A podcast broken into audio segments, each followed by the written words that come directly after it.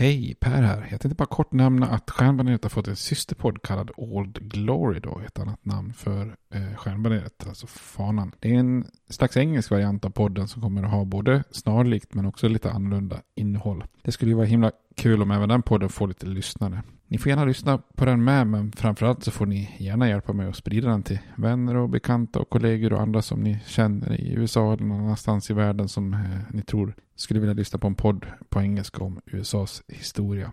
Tack, det var bara det jag ville säga. Nu kommer avsnittet. Hej då! Burrow is a furniture company known for timeless design and thoughtful construction and free shipping, and that extends to their outdoor collection. Their outdoor furniture is built to withstand the elements, featuring rust-proof stainless steel hardware, weather-ready teak, and quick-dry foam cushions. For Memorial Day, get 15% off your Burrow purchase at burrow.com slash ACAST and up to 25% off outdoor. That's up to 25% off outdoor furniture at burrow.com slash ACAST. Millions of people have lost weight with personalized plans from Noom, like Evan, who can't stand salads and still lost 50 pounds. Salads, generally, for most people, are the easy button, right? For me, that wasn't an option. I never really was a salad guy. That's just not who I am. But Noom worked for me. Get your personalized plan today at Noom.com. Real Noom user compensated to provide their story. In four weeks, the typical Noom user can expect to lose one to two pounds per week. Individual results may vary. Hey, I'm Ryan Reynolds. At Mint Mobile, we like to do the opposite of what Big Wireless does. They charge you a lot, we charge you a little. So naturally, when they announced they'd be raising their prices due to inflation, we decided to deflate our prices due to not hating you. That's right. We're cutting the price of Mint Unlimited from $30 a month to just $15 a month. Give it a try at mintmobile.com slash switch. $45 upfront for three months plus taxes and fees. Promo rate for new customers for limited time. Unlimited more than 40 gigabytes per month. Slows. Full terms at mintmobile.com.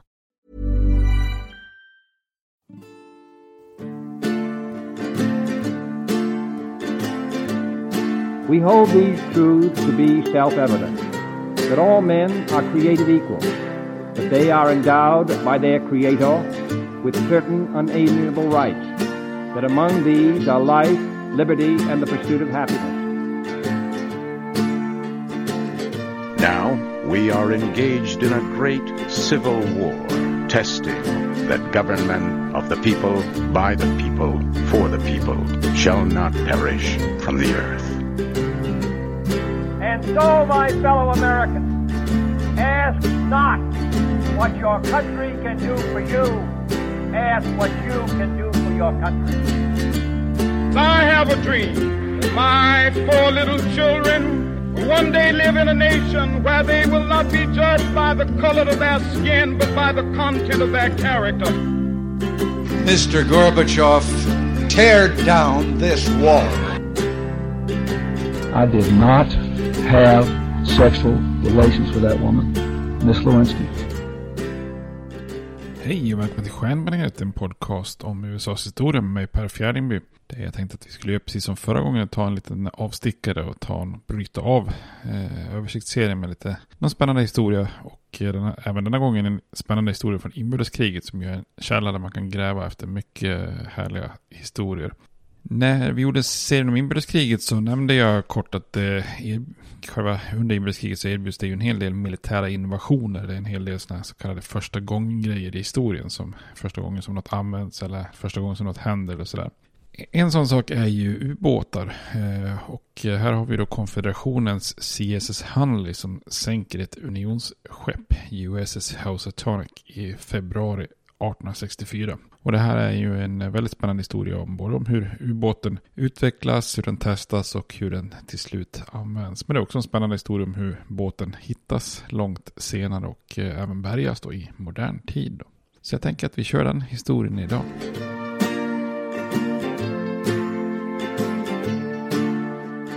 Lite bakgrund först då så att säga. För att förstå varför den här eh, ubåten Hanley skapades så måste man ju förstå eh, egentligen två delar av inbördeskriget. Dels unionens, alltså nordstaternas blockad av den konfedererade kusten. Och dels konfederationens situation där man i mångt och mycket saknar en flotta och är totalt underlägsen sin motståndare när det gäller, när det gäller flottan och resurser och så vidare. Och det här ledde ju då till en hel del experimenterande från konfederationens sida. Det är inte bara ubåtar som vi ska prata om idag egentligen, utan mycket annat också då så att säga. Men om vi börjar med blockaden då. Inbördeskriget som ni känner till bryter ju ut i med bombningen av Fort Sumter i Charlestons hamn i South Carolina den 12 april 1861. Och av en händelse så är det faktiskt just i Charlestons hamn som, som även den här historien kommer att eh, utspela sig, eller i alla fall delar av den. Eh, själva klimaxet kommer att utspela sig där då. Och bara en, ganska exakt en vecka senare efter att kriget har brutit ut så proklamerar ju eh, president Abraham Lincoln en blockad av konfederationens kust. Eh, tanken var ju att strypa konfederationens möjligheter till att handla med omvärlden. Eh, dels då att skeppa ut sin bomull och dels att kunna köpa industriprodukter och krigsprodukter som, som man behövde för att kunna föra ett krig. Då. Och det innebär ju att alla skepp på väg till och från konfederationen eh, kunde, skulle stoppas då och eh, beslagtas. Det här är ju en del av eh, unionens överbefälhavare, alltså Winfield Scotts övergripande strategi för kriget eh, som får just namnet Anaconda-planen eftersom fienden skulle strypas sakta på samma sätt som eh, så att säga ormen Anacondan stryper sina offer då. Att strypa konfederationens handel var ju viktigt eftersom egentligen hela söderns ekonomiska system med slaveriet och byggde på just export och import. De rikedomar som slavsystemet producerade i form av bomull främst men kanske också tobak och ris och annat behövde ju exporteras till Europa och många av de här lyxvarorna eh, som södern sen importerade och levde gott av och även industrivaror kom ju sen från eh, Europa via importer då. Södern hade ju väldigt få industrier och om de skulle kunna klara eh, av ett krig så behöver de ju till exempel importera vapen. Så det att stoppa eh, konfederationens handel var ju en viktig bit då. Eh, att proklamera en blockad skulle i längden vara ett väldigt bra verktyg för Lincoln och nordstaterna. Men där och då, 1861, så kanske det också var en rejäl chansning med både följder och nackdelar. Då, för för det första, om, om södern hindrades från att exportera sin bomull till Europa så fanns ju en risk att europeiska länder som Storbritannien och Frankrike skulle kanske välja att ge konfederationen sitt stöd. Då. Om textilfabrikerna i England till exempel får slut på bomull så skulle det kunna skapa en opinion där, det England skulle kunna hjälpa sydstaterna för att fylla på bomullslagren igen och få sina industrier att rulla igen. Eh, men en annat problem för Lincoln var ju att eh, det fanns internationella regler eh, som gick tillbaka till 1856 och som fastslog när och hur en blockad kan utropas. Då. Och USA hade visserligen inte skrivit under den så kallade Parisdeklarationen då, men andra viktiga länder som Storbritannien och Frankrike förväntade ju att USA följde de här reglerna från 1856 ändå. Då. Och enligt de här reglerna så behöver en blockad vara effektiv och hamnar verkligen stängas ner med patrullerande skepp om en blockad skulle kunna vara legitim. Och det här är ju ett problem för där och då, 1861, när Lincoln utfärdade den här blockaden så hade ju inte unionen alls tillräckligt med skepp för att kunna leva upp till det här. Så att eh, det är ju en blockad mer eh, på pappret än i verkligheten där och då. då. Att genomföra en blockad av konfederationens kust är ju en kolossal uppgift. Det är bara att ni tittar på det egentligen en, en, karta över södern. Då. Det handlar ju om en kuststräcka som är 560 mil lång. Då, och, eh, och med flera befästa hamnstäder och mängder med vikar och öar och, och sånt där. Och för det tredje så ändrar ju den här blockaden konfliktens karaktär. Lincoln och Unionen hävdar ju att Söderns agerande var ett eh, internt uppror så att säga. Eh, och att det då därmed var ett inbördeskrig, alltså en ren intern uppgörelse inom USA då. Men genom att proklamera en blockad så är det också som att Lincoln officiellt erkände konfederationen som en officiell krigförande part. Alltså Lincoln skulle aldrig formellt någonsin erkänna konfederationen men det här var ju som ett halverkännande. Men Lincoln valde då att chansa på en blockad och i slutändan så, så gjorde han ju rätt då för att eh, unionens flotta byggdes ju ut under kriget i ett rasande tempo. Och efter inbördeskriget så, så var det ju världens största flotta i princip. Och, och eh, väldigt många segrar längs konfederationens kuster gav ju unionen bra baser att, att kunna just vakta och, och patrullera hamnarna. Så till slut så blir ju blockaden i slutet av kriget så, eh, så, så effektiv att de minskar konfederationens handel med 95 procent. Och då förstår man ju att det, den här anaconda-tanken fungerar.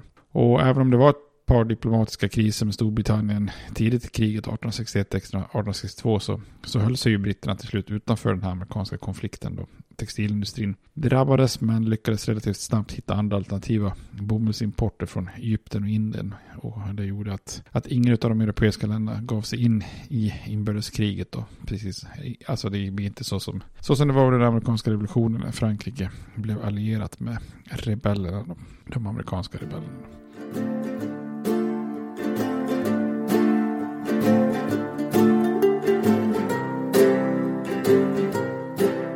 Det var den ena faktorn som vi behöver reda ut som bakgrund och själva blockaden. Den andra faktorn var ju det här med konfederationens experimenterande.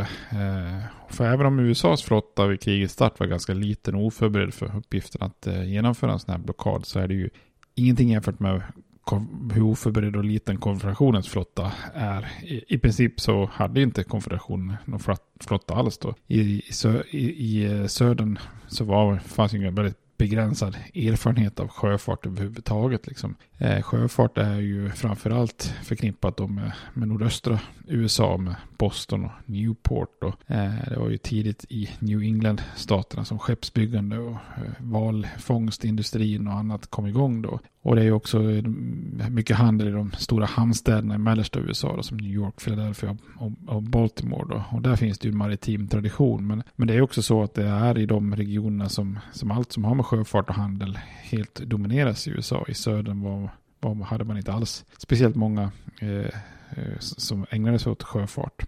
Konfederationens motmedel eh, var ju att försöka bedriva handel med så kallade kapare och blockadrännare. Eh, kapare är ju en slags privata beväpnade skepp som hade officiellt godkännande från konfederationen att ge sig på unionens handels och krigsfartyg. Då. En slags liksom, pirater under, under krig. Då. Eh, blockadrännare det var små lätta båtar eh, som byggdes främst för att kunna hålla en oerhört hög fart och kunna smyga in och ut ur hamnar och platser längs kusten då, med, med handelsvaror. Då. Eh, ofta smög de här blockadrännarna ut i nattens mörker och trafikerade öar i Västindien där man lämnade bomull och lastade ombord brittiska varor. Så försökte man smyga sig tillbaka då. Man försökte använda bränsle och annat som inte, eh, inte gav så mycket rök och så vidare för att göra sig så osynliga som möjligt. Så de här blockadrännarna tog ju aldrig liksom någon fight med en unionsskepp medan eh, Medan de här kaparna kunde ge sig på unionens både militära och civila skepp. Då, så, att säga. så hamnstäder i södern då som Charleston i South Carolina och Wilmington i North Carolina hade ju mängder med sådana här blockadrännare då.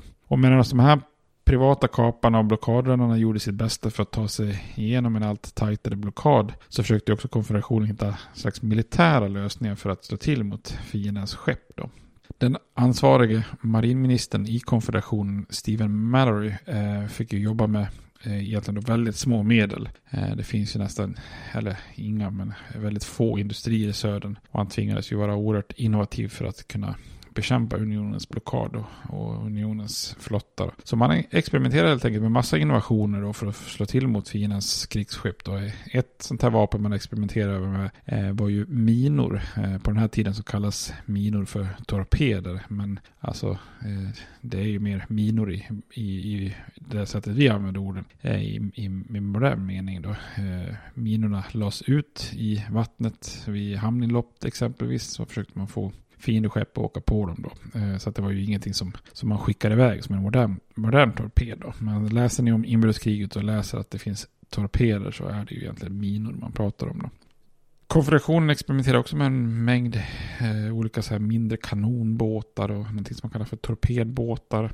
Eh, man experimenterar ju också med bepansrade fartyg då. Mest känt är ju skeppet Merrimack som sen sänks av eh, unionen när man evakuerar Norfolks hamn i Virginia när delstaten lämnar unionen då.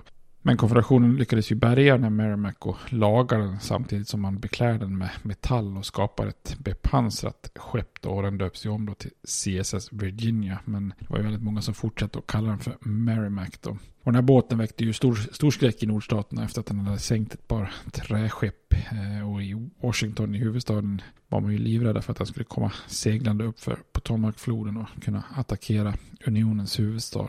Eh, det slutar ju med att Merrimack möter eh, så, så småningom då den, en annan innovation, det bepansrade skeppet USS Monitor som svensk-amerikanen John Ericsson bygger. Då. Och det här är ju slaget vid Hampton Roads där Merrimack och Monitor blir, blir ju världens första duell mellan bepansrade skepp. Men eh, ja, det är ju egentligen värt ett eget avsnitt så det borde vi ju kanske ta var för sig då så att säga. Men eh, man ska veta att Merrimack är inte det enda bepansrade skeppet som konfederationen skapar. Det finns flera stycken, exempelvis CSS Tennessee då, som var ett bepansrat ramningsskepp som fanns i hamnstaden Mobile i Alabama.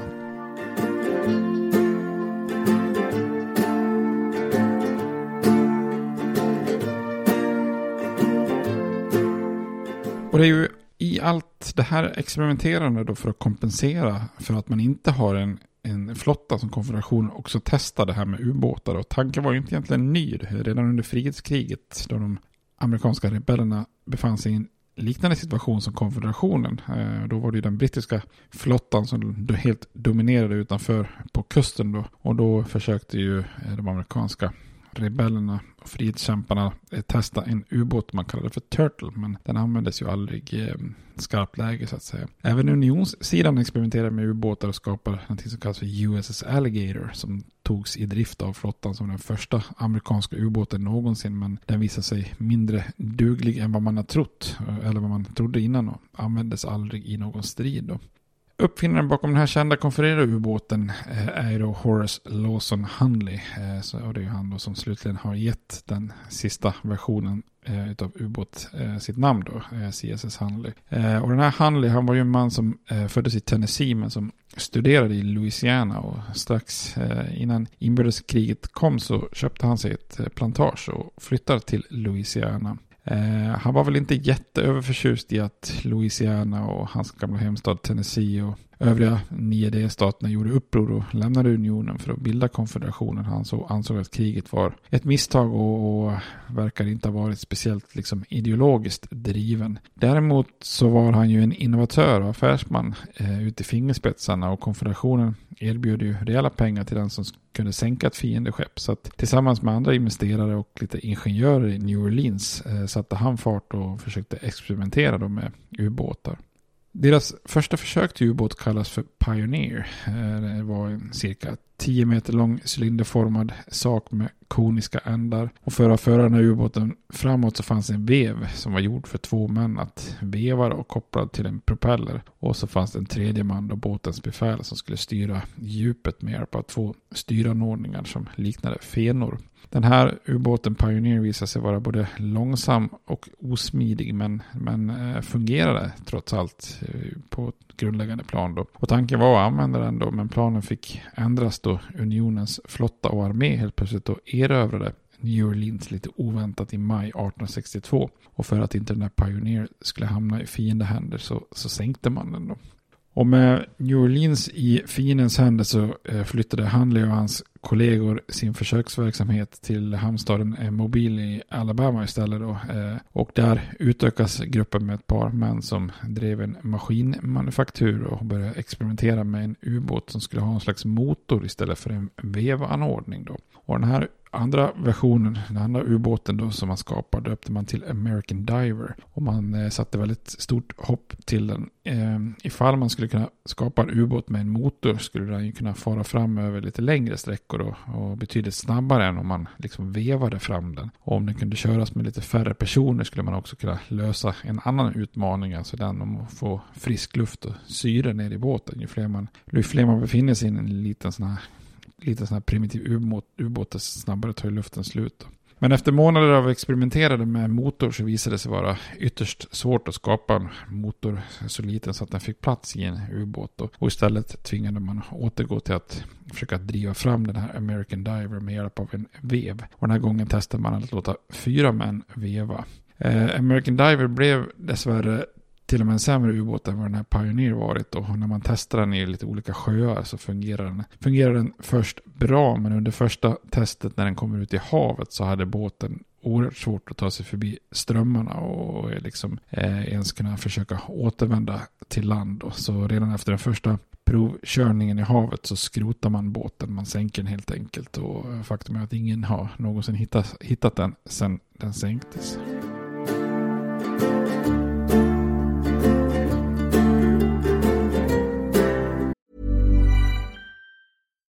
Market for investment worthy bags, watches, and fine jewelry, Rebag is the answer.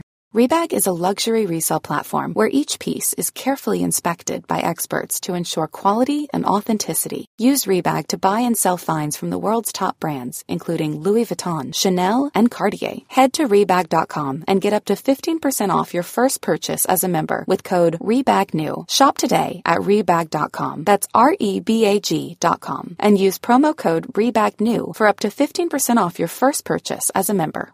Everyone knows therapy is great for solving problems, but getting therapy has its own problems too, like finding the right therapist, fitting into their schedule, and of course, the cost. Well, BetterHelp can solve those problems. It's totally online and built around your schedule. It's surprisingly affordable too. Connect with a credentialed therapist by phone, video, or online chat, all from the comfort of your home. Visit betterhelp.com to learn more and save 10% on your first month. That's BetterHelp H E L P.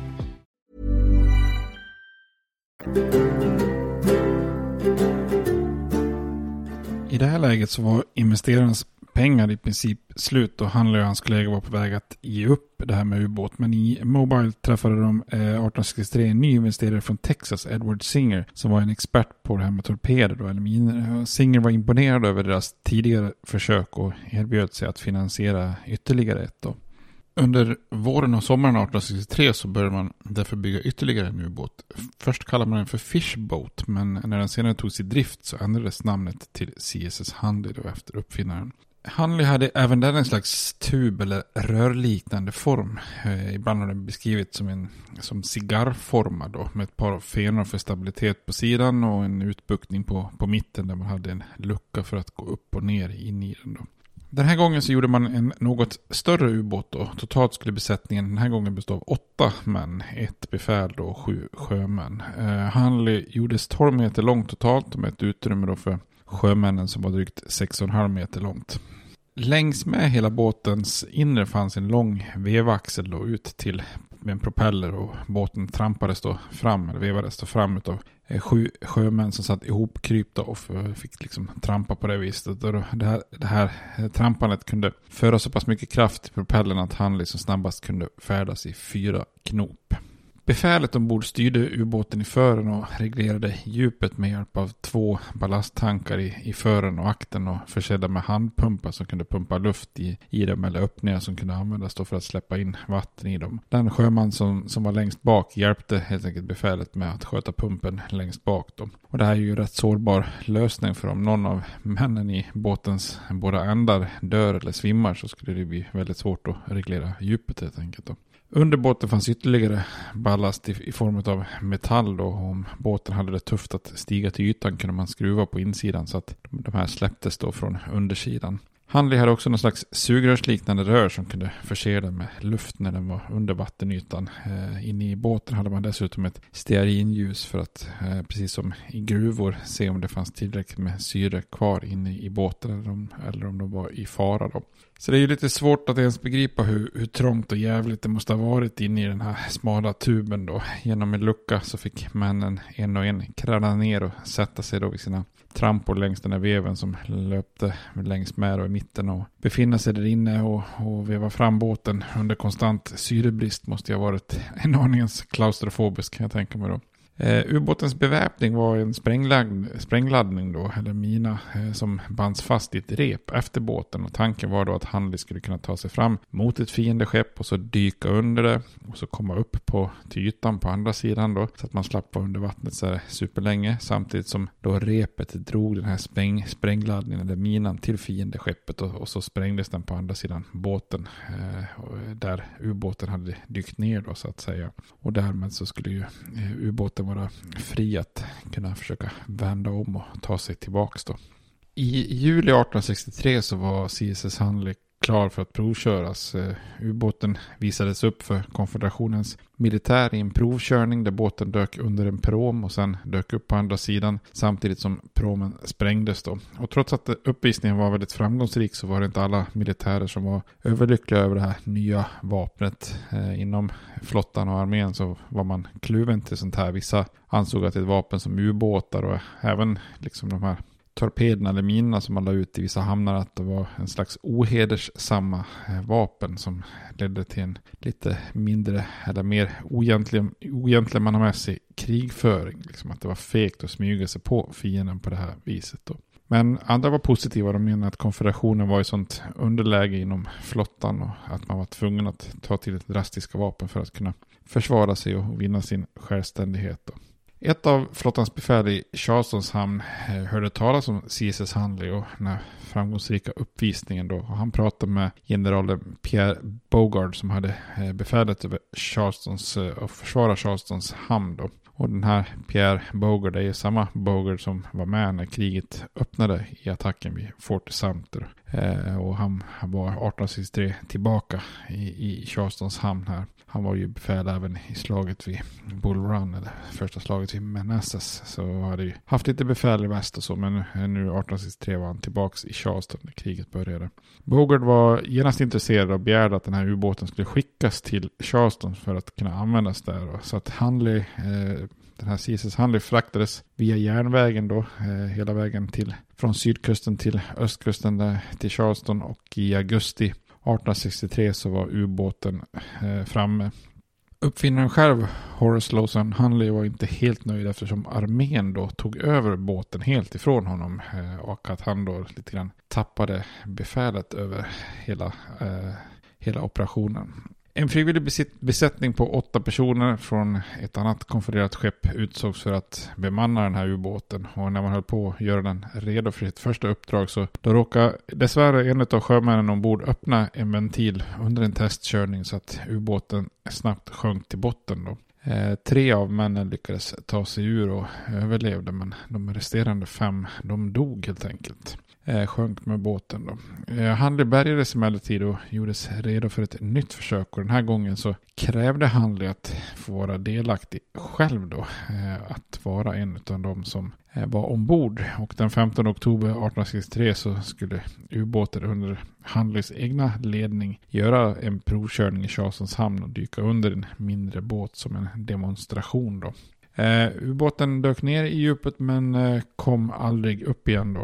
Eh, och det visade sig då att Horace Lawson Handley, uppfinnaren själv och samtliga sju män eh, dog i det här. Och eh, man konstaterade att en ventil hade antagligen varit öppen för länge och släppt in för mycket vatten i själva hytten där männen satt. Då. Men återigen kunde båten bärgas och göras i ordning för ytterligare ett försök. Och vid det här laget var hade general Bogart själv blivit lite, lite tveksam till att använda Handley efter alla de här misslyckade försöken då. Men han övertalades om att ge ett sista försök då. Och den här attacken skulle ledas av löjtnant George Dixon som var en veteran som hade stridit i bland annat i slaget vid Shiloh. Men som var från Mobile och hade jobbat på en verkstad där Handley konstruerades helt enkelt.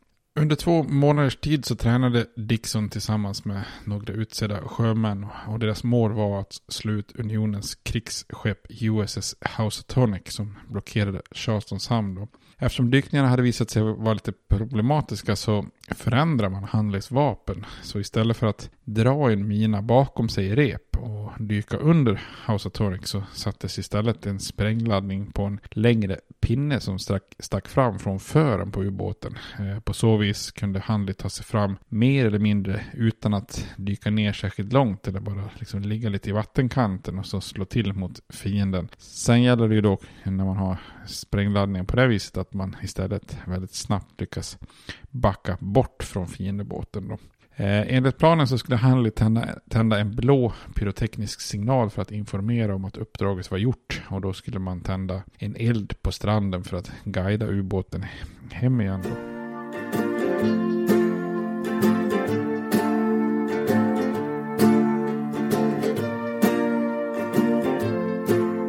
På kvällen den 18 februari 1864 så var det dags till slut för CSS Handley att genomföra sin attack. Då. Eh, man trampar ut ubåten eh, i hamnen och börjar närma sig House Atonic vid 20-tiden på kvällen. Och det här är ju ingen eh, lätt båt att upptäcka för även om den inte dök helt så var det heller inte mycket som stack upp ovanför i vattenytan då. Männen ombord på unionens krigsfartyg som genomförde blockaden här var ju emellertid medvetna om att konfederationen experimenterade med ubåtar och torpedbåtar och sånt som kunde åka under eller strax ovanför ytan. Eh, det hade ju konfedererade desertörer avslöjat. Eh, redan i oktober samma år hade en då hade torpedbåten CSS David attackerat unionsskeppet USS New Ironsides. Eh, och eh, den här eh, CSS David såg ut som en cigarr formar ubåt men gick för ytan och var inte byggd för att dyka. Då. Till skillnad från Handley hade, hade den här David haft en motor som drevs med, med en form av antracitkol som inte gav från sig rök som kunde avslöja eh, båten. Och hade då fyra män ombord och en sprängladdning på en pinne i fören då. Och i det här anfallet så hade den här New Ironsides skadats men men sjönk aldrig utan kunde repareras. Det här försöket var tillräckligt bra då för att man bestämde att Handley också då skulle få en liknande sprängladdning i pinnen av fören och genomföra en liknande attack då. Och en av orsakerna till att man bytte sig beväpningen och bestämde att Handley inte skulle dyka under fienden var just den här eh, attacken som den här CSS David hade gjort då.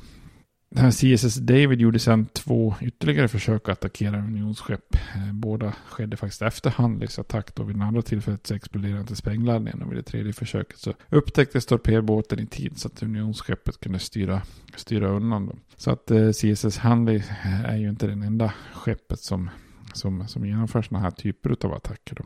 Eh, och den här kvällen var ju eh, när Hanley då är på väg ut på sitt uppdrag så då är ju naturligtvis männen ombord på House of Tonic eh, medvetna om att en liknande attack skulle kunna inträffa. Så att eh, precis som eh, andra blockadskepp eh, i unionen så hade man ju ankrat på relativt grunt vatten och höll ångmotorerna varma ifall man skulle bör, behöva agera då. Man har ju också spanare ombord då. Eh, en av dem på House of Tonic eh, var den afroamerikanska sjömannen Robert Fleming som lyckades observera något i vattnet som han tyckte föreföll udda. En kollega som han pratade med avfärdade dock eh, föremålet som en och sa att det är nog antagligen bara en stock som kommer glidande. Eh, Fleming tyckte emellertid att det var väldigt underligt att en stock kom glidande tvärs med eh, tvärs mot strömmen och inte så att säga med strömmen. Och först när kollegan hämtat en kikare så var han beredd att tro på Fleming då. Och det här gör ju då att alarmet gick ombord på House of Tonic men eh, vid det läget så var, var det alldeles för sent. Eh, Hanley befann sig så nära fartyget att kanonerna inte kunde avfyras mot den då. Det var, eh, eh vinkeln hade blivit för snäv då. Eh, kaptenen Charles Pickering hade ett hagelgevär och började skjuta mot Handley med hagelgeväret. Men även det var ju då förgäves. Och när Hanleys eh, sprängladdning eller torpedar i fören träffar skeppet så exploderar den och skapar ett jättestort hål i House of Tonics skrov. Då. Eh, och skeppet sjönk ganska fort, antagligen på bara tre minuter. Men eftersom skeppet befann sig på så grunt vatten så stack masterna till och med upp ovanför vattenytan när, när skeppet nådde botten. Och det gjorde att många av de männen som inte hade lyckats ta sig i livbåtar kunde klänga sig fast vid master och annat och sen räddas av unionsskepp. Så av 155 man ombord på House of Tonic så dog bara eh, fem stycken personer då. Och det, de hade ju då dött i själva liksom, explosionen. Då. I Charlestons hamn hoppades man då att Hanley skulle skicka en signal, sin signal då så att ubåten kunde ledas tillbaka. Men eh, Hanley eh, efter den här framgångsrika attacken var helt enkelt borta. Dixon och hans sjömän kom aldrig tillbaka då. Efteråt fanns det vittnen som hävdade att de hade sett signaler uppåt en timme efter attacken. Vilket skulle kunna indikera att eh, Hanley inte sjönk omedelbart. Men det här är lite oklara vittnesuppgifter. De konfedererade försökte till en början hålla nyheter om att även Hanley sjunkit eh, hemligt då. Dels för att låta fienden tro att man hade ett nytt vapen som de behövde frukta flotta och dels för att hålla moralen uppe inom den konfedererade flottan då. Men eftersom de inte hade någon aning om var ubåten hade sjunkit så kunde den ju heller inte bärgas då. Eh, och det fanns många teorier om vad som, skulle, vad, hade, vad som hade hänt Hanley efter explosionen. Eh, hade Dixon dykt för att försöka komma undan och kanske öppnat någon ventil för mycket och fått in för mycket vatten så att den sjönk precis som när uppfinnaren Handley själv sjönk med den eller kanske hade elden som sköts mot ubåten skadat den, alltså det här hagelgeväret eller någonting sånt där. Eller också hade kanske explosionen skadat ubåten. Eh, eller hade man kanske varit så länge under vattnet i ett försök att komma undan att luften helt plötsligt hade tagit slut. Ehm, oavsett eh, för vad som hade hänt med båten så kvarstod ju det faktum att CSS Hanley var den första ubåten i krig som hade sänkt ett fiendeskepp. Eh, och det var ju en prestation, även om den såklart bleknar något eh, i och med att man inte tydligt dök då under attacken och att hela besättningen och hela båten också försvann då. Så totalt sett hade ju också 21 män dött under den här ubåtens korta karriär om man räknar in de här misslyckade försöken även, även innan då så att säga.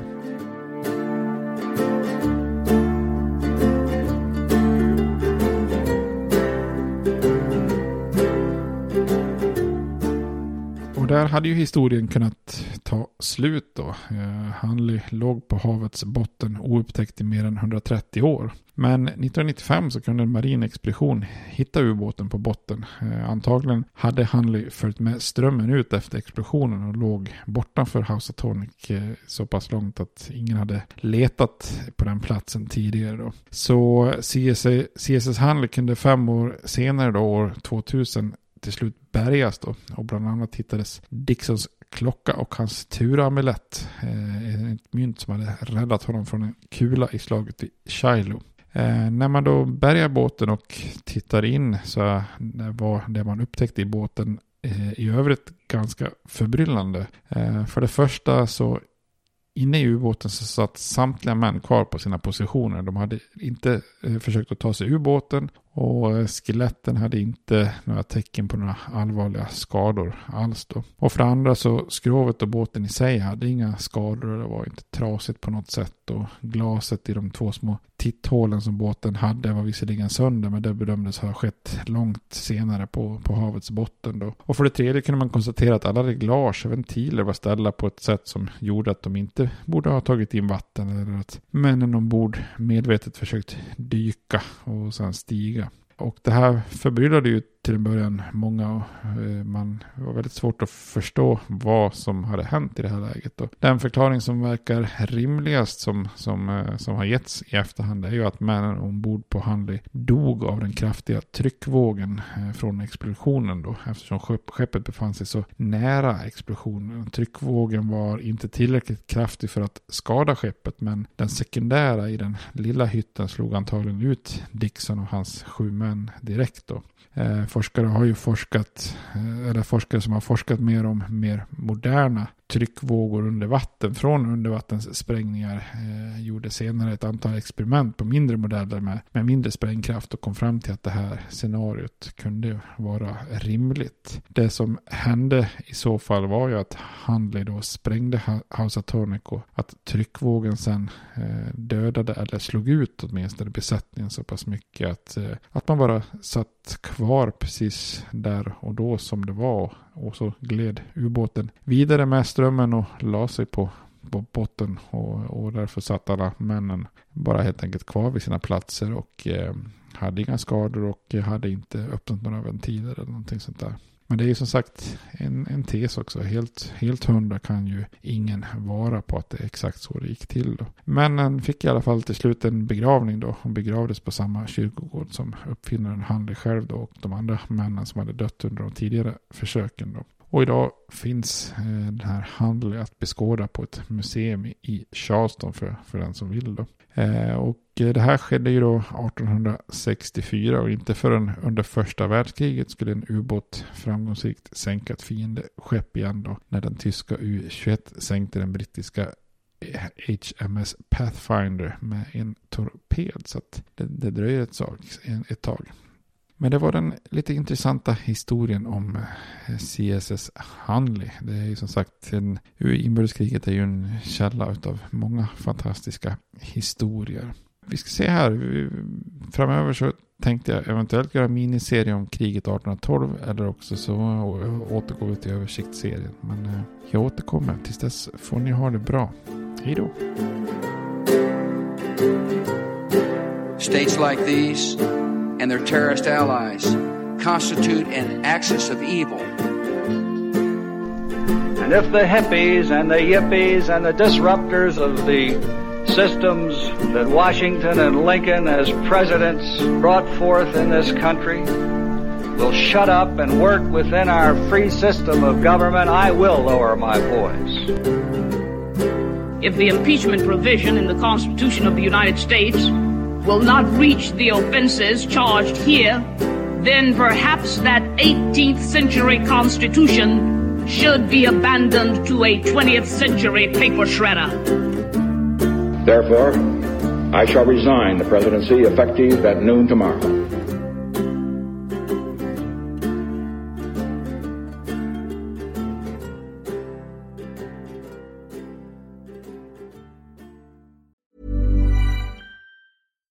Hi, I'm Daniel, founder of Pretty Litter. Cats and cat owners deserve better than any old fashioned litter. That's why I teamed up with scientists and veterinarians to create Pretty Litter. Its innovative crystal formula has superior odor control and weighs up to 80% less than clay litter. Pretty Litter even monitors health by changing colors to help detect early signs of potential illness. It's the world's smartest kitty litter. Go to prettylitter.com and use code ACAST for 20% off your first order and a free cat toy. Terms and conditions apply. See site for details. Planning for your next trip? Elevate your travel style with Quince. Quince has all the jet setting essentials you'll want for your next getaway, like European linen, premium luggage options, buttery soft Italian leather bags, and so much more. And is all priced at 50 to 80% less than similar brands. Plus, Quince only works with factories that use safe and ethical manufacturing practices. Pack your bags with high-quality essentials you'll be wearing for vacations to come with Quince. Go to quince.com slash pack for free shipping and 365-day returns. Even when we're on a budget, we still deserve nice things. Quince is a place to scoop up stunning high-end goods for 50 to 80% less than similar brands. They have buttery soft cashmere sweaters starting at $50, luxurious Italian leather bags, and so much more. Plus, Quince only works with factories that use safe, ethical, and responsible manufacturing. Get the high-end goods you'll love without the high price tag with Quince.